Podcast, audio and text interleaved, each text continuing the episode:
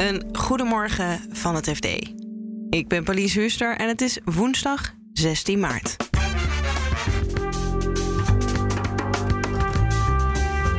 De klopjacht op fout Russisch geld is een paar weken onderweg.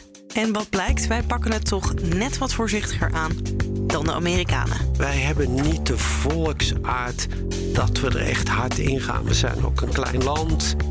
We praten er wel over. Ja. Of we dit misschien toch ook niet moeten gaan doen. Maar ik vrees dat wij praten gaat blijven.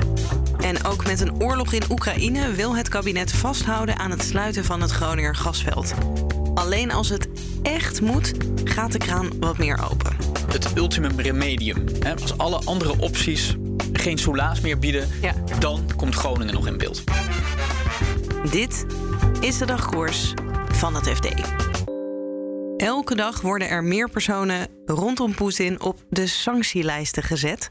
Of we ook echt verder komen of dat het foute geld gewoon verplaatst wordt, vraag ik aan onze verslaggever Pieter Kouwenberg. Het is beide. Er is absoluut een klopjacht. Je ziet één dat die lijst elke week langer en langer wordt. Je ziet dat bij financiële instellingen, in ieder geval de instellingen in Nederland, dat ze echt serieus met een eh, softwarepakket alles bekijken. Je ziet dat er boten aan de ketting zijn gelegd, dat er huizen op slot zijn gezet. Maar ja, tegelijkertijd zijn die mensen natuurlijk heel hard bezig om alles wat mobiel is te verplaatsen. Dus boten, geld, huis is een beetje moeilijk. Dus ja, men is bezig. Is het eh, voldoende? Gaat het snel genoeg? Nee. En, en wij, of wij Europa, wij Nederland zijn het aan het bevriezen vooral. We willen dat ze er nu niet eh, bij kunnen. De Amerikanen willen het ook afpakken. Ja, de Amerikanen gaan een stapje verder. Past ook in de Amerikaanse geest. Wat is het idee? Wij zeggen we, be- we bevriezen het omdat we hun gedrag willen veranderen. We hopen dat die oligarchen Poetin afzeggen, afzetten. Of zorgen dat Poetin eh, tot inkeer komt. En de Amerikanen zeggen: nee, nee, nee, nee. We gaan het jullie ook afpakken. Want het is fout geld wat jullie hebben. Het is geld wat jullie eh, op onjuiste manier hebben verworven. En waarschijnlijk ook voor onjuiste dingen gebruiken. Dus eh, we kunnen hunt you down. En we gaan waar mogelijk het geld afpakken. En, en wanneer is fout geld? Als het van een Rus is die rijk is? Of Het zou makkelijk zijn, hè? Ja. Als we het konden. eh Rus, rijk is fout. Je moet eerst achterhalen waar die zijn geld allemaal in heeft zitten. Dat is al een klus. Ja. Ze kunnen het heel goed verbergen in allerlei juridische huisjes, waardoor je eigenlijk niet ziet wie de eigenaar is. Twee, dan moet je ook bewijzen dat, ehm, dat je eh, fout hebt gedaan met het eh, geld. Dat je mensen hebt proberen om te kopen. Dat je het voor de verkeerde dingen hebt eh, gebruikt. En als je dat allemaal bewezen hebt, dan hebben we je. dan hebben we je. Dus dat gaat jaren kosten. Maar de ervaring leert met bijvoorbeeld drugshandelaren uit Zuid-Amerika. Ze hebben een heel taskforce geformeerd. Zijn nu mensen aan het ronselen om een heel team op te bouwen om die Russen te gaan opjagen. En, en waarom doen wij het dan niet? Het eerlijke antwoord is denk ik dat eh, eh, in ieder geval Nederlanders graag eh, willen handelen. En Ja. handelen betekent dat je, dat je eigenlijk iedereen een beetje te vriend wil houden. En het past geloof ik niet zo in onze volksaard. Amerikanen zijn graag de politieman. Wij hebben niet de volksaard dat we er echt hard in gaan. We zijn ook een klein land. We praten er wel over. Ja. Of we dit misschien toch ook niet moeten gaan doen. Maar ik vrees dat bij praten gaat blijven. En we zijn nu heel erg gefocust op eh, Russisch geld. Wat logisch is natuurlijk met de oorlog in Oekraïne. Maar dit is niet het enige eh, foute geld. Heb jij het idee dat er iets van een kentering in zit... dat we daar ook iets aan gaan doen? Ik spreek heel veel mensen die zeggen van. ehm we gebruiken allerlei mooie woorden over more- moreel kapitalisme. En eh, de moraliteit in de bestuurskamer, de moraliteit bij het advocatenkantoor. Ik denk dat de realiteit is dat, dat men het liefst weer terug wil naar de orde van alle dag. Dus als deze oorlog voorbij is, En dat we één, twee jaar verder zijn, dat de lokroep van geld zo sterk is dat we. Nou ja, ik, geloof, ik, ik geloof het niet. En van de klopjacht op oligarchen gaan we naar de gaswinning in Groningen en of die omhoog moet gezien de oorlog in Oekraïne. Morgen debatteren ze daarover in Den Haag. En begin deze week stuurde staatssecretaris Velbrief er een brief over naar de Kamer. En minister Jette ook. En beide deden ze een mediarondje langs televisie en kranten.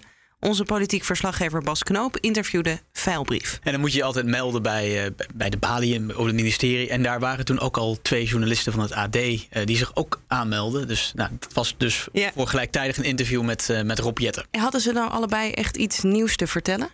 Nou, het meest concrete was, was de brief van Veilbrief. Um, uh, die dus echt bekend maakte uh, wat, wat zijn voornemen is, hoeveel gas er uh, het, dit gasjaar gewonnen gaat worden. Ja. 4,6 miljard kuub veel minder eigenlijk dan, uh, dan het kabinet, uh, het vorige kabinet begin januari nog uh, bekend maakte. Die gingen uit van 7,6 miljard kuub nog. Vanwege vertraging bij de bouw van een stikstofinstallatie in Zuidbroek. Een hogere vraag vanuit Duitsland. Hij zei van ja, het is geluk en wijsheid. Het geluk is het, het warme winterweer. Waardoor ja. de gasvraag zowel in Nederland als in Duitsland een stuk lager uitvalt. En de wijsheid noemde hij dan dat hij, nou ja, bijvoorbeeld de stikstofinstallaties die al bestaan, mm -hmm. wat mhm. harder laten draaien. Origineel was, het, uh, was de belofte 3,9 maar. Precies, ja. Als alles volgens planning was gelopen, dan was de verwachting 3,9 miljard kuub. Dat wordt dus 4,6 miljard, iets meer. Maar dat is nog niet in beton gegoten. Stel, het blijft een uitzonderlijk warm jaar, dan ja. kan dat nog verder naar beneden gaan. Dus hij, hij heeft ook iets gezegd over wanneer uh, die wil dat uh, de gaswinning uit Groningen stopt. Maar niet heel duidelijk. Nou, kijk, het streven van het kabinet is um, om um, het Groningenveld vanaf oktober dit jaar op, op de zogeheten waakvlam te zetten en vanaf ja. 2023 te sluiten. Uiterlijk in 2024. Uh, Veilbrief blijft bij bij zijn streven. Ja. Um, alleen uh, gezien de, de situatie in, in, in Oekraïne um, en de gevolgen die dat heeft voor de, de, de energiemarkt, de gasmarkt, uh, gaat, kan het kabinet nu geen garanties geven. Ja. Um, dus, dus het blijft het streven om het, het Groningenveld te sluiten in 2023. Maar garanties zijn er niet te geven.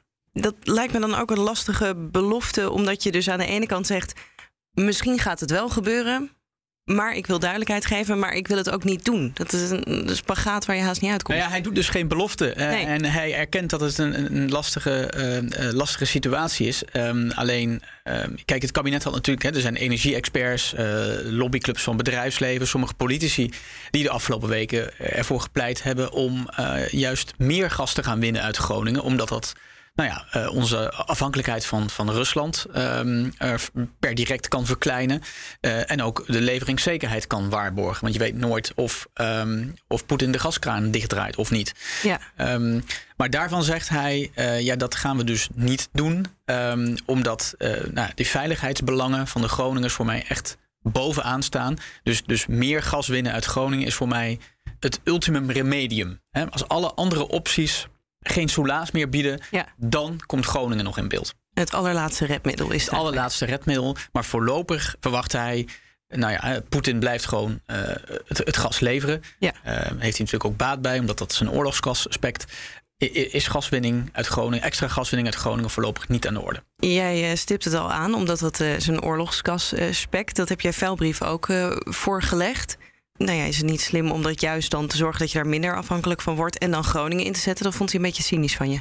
Nou, hij zei letterlijk: de belangen van de Groningers moet je niet in een kostenbatenanalyse stoppen. Ik heb eigenlijk twee arbeidsvoorwaarden bij mij aantreden gekregen. Dat is het, het, sluiten van het Groningenveld en het zorgen dat die versterkingsoperatie nu eindelijk eens een keer op gang komt. Ja. En daar blijf ik, blijf ik uh, aan gecommitteerd aan die twee doelen.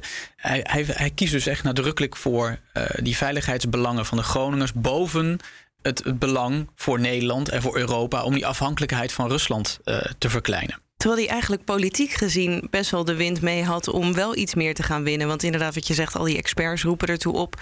Er is zelfs een uh, enquête vanuit Groningen die zegt: Nou ja, daar staan we op zich wel voor open. Zijn wel het haken en Ja. oog aan volgens mij. Maar Nou, dat, dat benoemde hij ook. Uh, want ik heb hem die enquête ook voorgelegd. En dan zegt hij van ja, eigenlijk is Groningers een, een verkeerde keuze voorgelegd. Want um, inderdaad, um, ze, ze, ze staan ervoor open.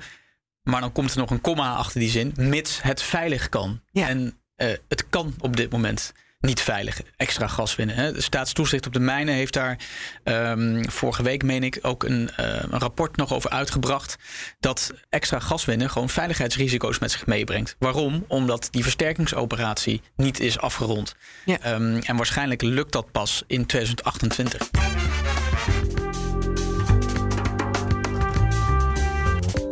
Dit was de dagkoers van het FD. Op fd.nl lees je Bas een interview met Vuilbrief en Pieters verhaal over de klopjacht op de oligarchen. En je volgt daar natuurlijk ook het financieel-economisch nieuws. Dagkoers volg je in je favoriete podcast-app. Zoek ons even op en klik op abonneren. Dan staan we morgenochtend automatisch weer voor je klaar. Een hele fijne dag en tot morgen.